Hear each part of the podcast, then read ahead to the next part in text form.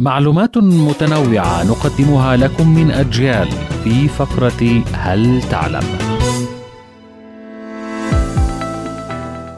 أهلا بكم مستمعي ومستمعات أجيال في فقرة هل تعلم؟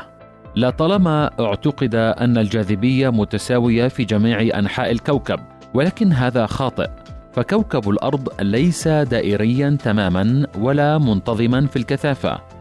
بالإضافة إلى ذلك تكون الجاذبية أضعف عند خط الاستواء بسبب قوى الطرد المركزي الناتجة عن دوران الكوكب وهي أيضا أضعف في المناطق العالية والبعيدة عن مركز الأرض مثل قمة جبل إيفرست.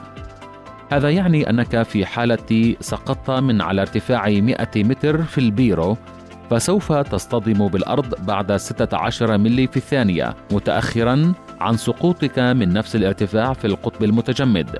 كما ستفقد أيضا 1% من وزن جسمك عند انتقالك من القطب المتجمد إلى البيرو على الرغم من أن كتلتك لن تتغير. وهذا بسبب أن الجاذبية عند أقطاب الأرض أكبر من الجاذبية عند خط الاستواء فالأرض ليست متساوية في مقدار الجاذبية. كانت هذه فقرة هل تعلم؟ قرأها عليكم محمد إبراهيم.